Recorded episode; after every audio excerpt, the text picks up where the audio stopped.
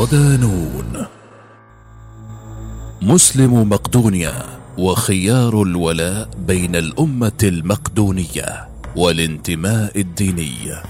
مقال لنور علوان ضمن ملف الإسلام البلقاني. توصف مقدونيا الشمالية وهي دولة صغيرة في شبه جزيرة البلقان بجنوب شرق أوروبا بأنها فسيفساء متعددة الإثنيات والديانات. فعلى الرغم من قلة عدد سكانها يبلغ نحو مليوني نسمه فقط فهي حاضنة للعديد من المجتمعات العرقية والدينية والثقافية. ومع ذلك فإن هذا التنوع صاغ العديد من التحديات والتعقيدات أمام عمليات الاندماج والإشراك في الجمهورية اليوغوسلافية السابقة. ونخص بالذكر الأقلية المسلمة التي تشكل ما يقارب ثلث سكان مقدونيا الشمالية. الصورة العامة. وفقا لآخر تعداد سكاني عام 2002 كانت أكبر مجموعة عرقية في مقدونيا هم المقدونيون ويتبعهم الألبان الذين يتركزون في الجزء الشمالي الغربي من البلاد. فيتبع ما يصل إلى 65% من السكان المسيحية الأرثوذكسية وتمثل الطوائف المسيحية الأخرى الكاثوليك والبروتستانت وغيرهم 0.4% من السكان. بينما يشكل المسلمون 33% من السكان مما يجعلهم خامس أعلى نسبة من المسلمين في أوروبا. الآن يتركز العدد الأكبر من مسلمي مقدونيا في العاصمة سكوبيا ومدن مثل كومانوفو وديبرو وستروغو وأوهريدو وريسينو وغوستيفار وتيتوفو وينتمون إلى خلفيات عرقية متنوعة حيث يمثل المقدونيون من أصل ألباني أغلبية بنسبة 72% أي ما يقرب من 500 ألف نسمة من إجمالي عدد المسلمين المقدونيين البالغ عددهم أكثر من 700 ألف. في حين تقدر نسبة المقدونيين من أصل تركي بنحو 11% أو 78 ألفا بينما تبلغ نسبة الروما 8% أو أربعة وخمسين ألفا. أما نسبة البوشناق أربعة بالمئة أو خمسة وعشرون ألفا. فيما تصل نسبة الفلاش يطلق عليهم أيضا الأرومانيون والبوشناق والترباشيين والغورانيين والمقدونيين المسلمين إلى خمسة بالمئة أو خمسة وثلاثين ألفا. ويعتقد أن أعداد المسلمين في هذه البلاد كانت أكثر بكثير مقارنة بالوضع الحالي. إذ بدأ تناقصهم وتغير مراكز انتشارهم تدريجيا مع انتهاء حكم الإمبراطورية العثمانية وفرض صربيا سيطرتها على مقدونيا الواقعة التاريخية التي عرضت المسلمين إلى التهجير القسري والمطاردة المستمرة ودفعت البعض إلى الهجرة لتركيا خوفا من التضييقات الشديدة والممارسات المعادية ضدهم. فيما يخص المساجد وممارسة الشعائر الدينية فثمة نحو 600 مسجد في مقدونيا. ووفقا لتقرير أعده الكاتب فريد موهيتش فإن عدد المسلمين الممارسين لطقوس دينهم بشكل منتظم يوميا يبلغ نحو 230 ألفا. في حين يصلي الجمعة أسبوعيا ما يقرب من 350 ألف مصلٍ. وتؤدى خطب الجمعة والتعليم الديني في المساجد والمدارس الإسلامية باللغات الألبانية والتركية والمقدونية والبوسنية والغجرية الروما مفاهيم وتعقيدات.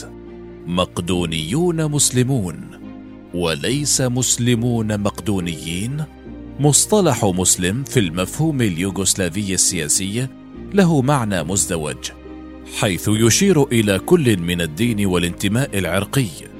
ففي عام 1969 اعترفت الحكومة اليوغوسلافية بوجود أمة مسلمة تشمل مسلمي البوسنة والهرسك إلا أن جمهورية مقدونيا بعد الاستقلال رفضت رسميا توسيع مفهوم الأمة المسلمة خارج حدودها واعتبرت المواطنين الناطقين باللغة المقدونية من أصل سلافي مقدونيين حتى لو انتموا إلى الدين الإسلامي.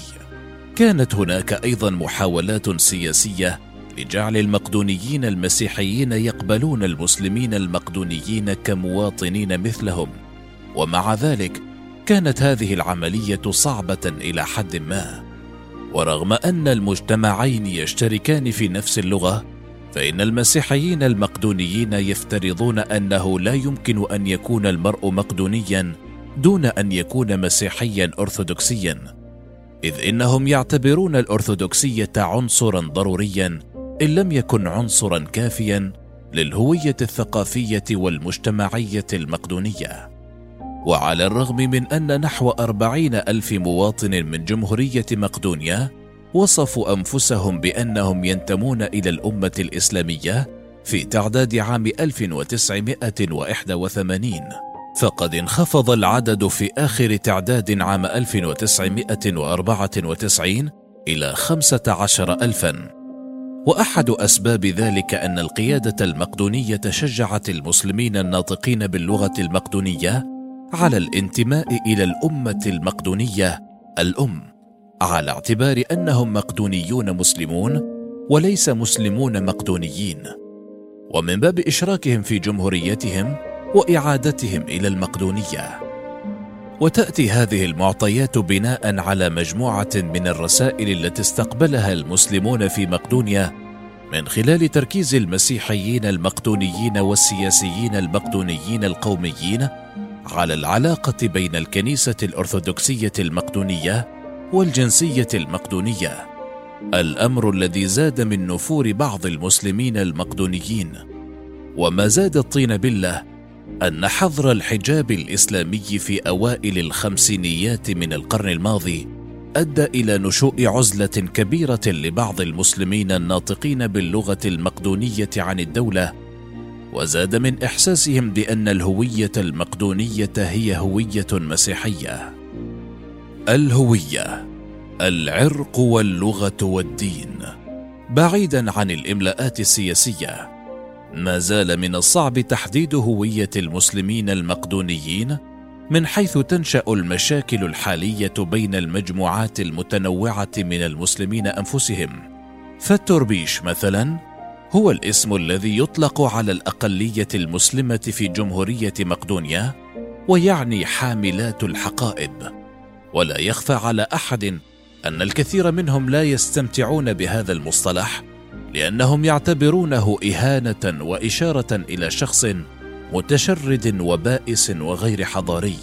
ويذكر بعضهم أن سبب استيائهم أن التسمية أعطاها لهم المسيحيون لتحط من قدر السلاف الذين اعتنقوا الإسلام وذلك بالإضافة إلى مساهمة الاضطهاد والترهيب في ظل جمهورية يوغوسلافيا السابقة. في تكوين شعور بالخزي ازاء هويتهم التربية. وما زالت مسألة الهوية العرقية لطائفة توربيش محل نزاع. فعلى الرغم من أن الغالبية تعتبر نفسها تركية الأصل فإن مجموعة صغيرة منهم تتخذ اللغة معيارا اساسيا لتحديد أو تعريف هويتهم أكثر بكثير من الدين. لذلك يعتقدون أنهم أقرب إلى المقدونيين الأرثوذكس مع العلم أن البعض يعرفون أنفسهم كمسلمين ألبان لأسباب براغماتية أو أيديولوجية. وبالمثل ثمة مصطلح آخر غير مرغوب أيضا داخل دوائر المسلمين المقدونيين ويمكن اعتباره ازدرائيا أيضا وهو بوتوري أو بوتوريلي. الذي يستخدم لوصف السلاف البوسنيين الريفيين الذين تركوا أو تتركوا أو تأسلموا لكنهم احتفظوا ببعض الممارسات المسيحية. وفيما يتعلق بالغوران فهم مجموعة صغيرة من المسلمين الذين يعيشون في الجبال في أقصى جنوب كوسوفو ويتحدثون لغة سلافية ترتبط ارتباطا وثيقا باللغة المقدونية. وتحاول الحكومات المقدونية تسجيل هؤلاء الأشخاص على أنهم مقدونيين من خلال منحهم الجنسية المقدونية وجوازات السفر. التحديات الإهمال والإسلاموفوبيا شأنهم شأن كل المسلمين في أوروبا. يحاول مسلم مقدونيا تخطي التحديات والصعوبات التي تعرقل النمو الاجتماعي والاقتصادي والسياسي إذ تشير المصادر المتوافرة أن المسلمين المقدونيين يفتقرون إلى التحصيلات العلمية كما انهم من أكثر الفئات المجتمعية فقرا في مقدونيا. وذلك عدا على أن وذلك عدا عن أن مشاركتهم السياسية وتفاعلهم في هذا الحقل أقل بكثير من نظرائهم. ومع ذلك فإن المسلمين من أصول ألبانية أفضل من المنحدرين من أصول تركية بينما يعد وضع المسلمين البوشناق والتربشيين والغرانيين والروما في مؤخرة السباق. وتكمن بعض الصعوبات في مطالبات التعليم باللغة الأم. ففي خلال السنوات الأخيرة حاول ممثل الجالية التركية في الجزء الغربي من الجمهورية الحصول على إذن رسمي لفتح فصول دراسية تركية في المدارس الابتدائية. لكن هذه الجهود قوبلت بإجابة سلبية بحجة أن نظرا لكونهم مسلمين مقدونيين فعليهم الدراسة باللغة المقدونية. كما يطالب الألبان منذ عقود بتعديل الدستور لينص على أن الألبان يشكلون مع العرق السلافي الأمة المقدونية. حيث يشير الدستور إلى أن السلاف هم الأمة التي تشكل مقدونيا وإلى جانب ذلك يسعى الألبان للحصول على الاعتراف باللغة الألبانية لغة رسمية إلى جانب السلافية.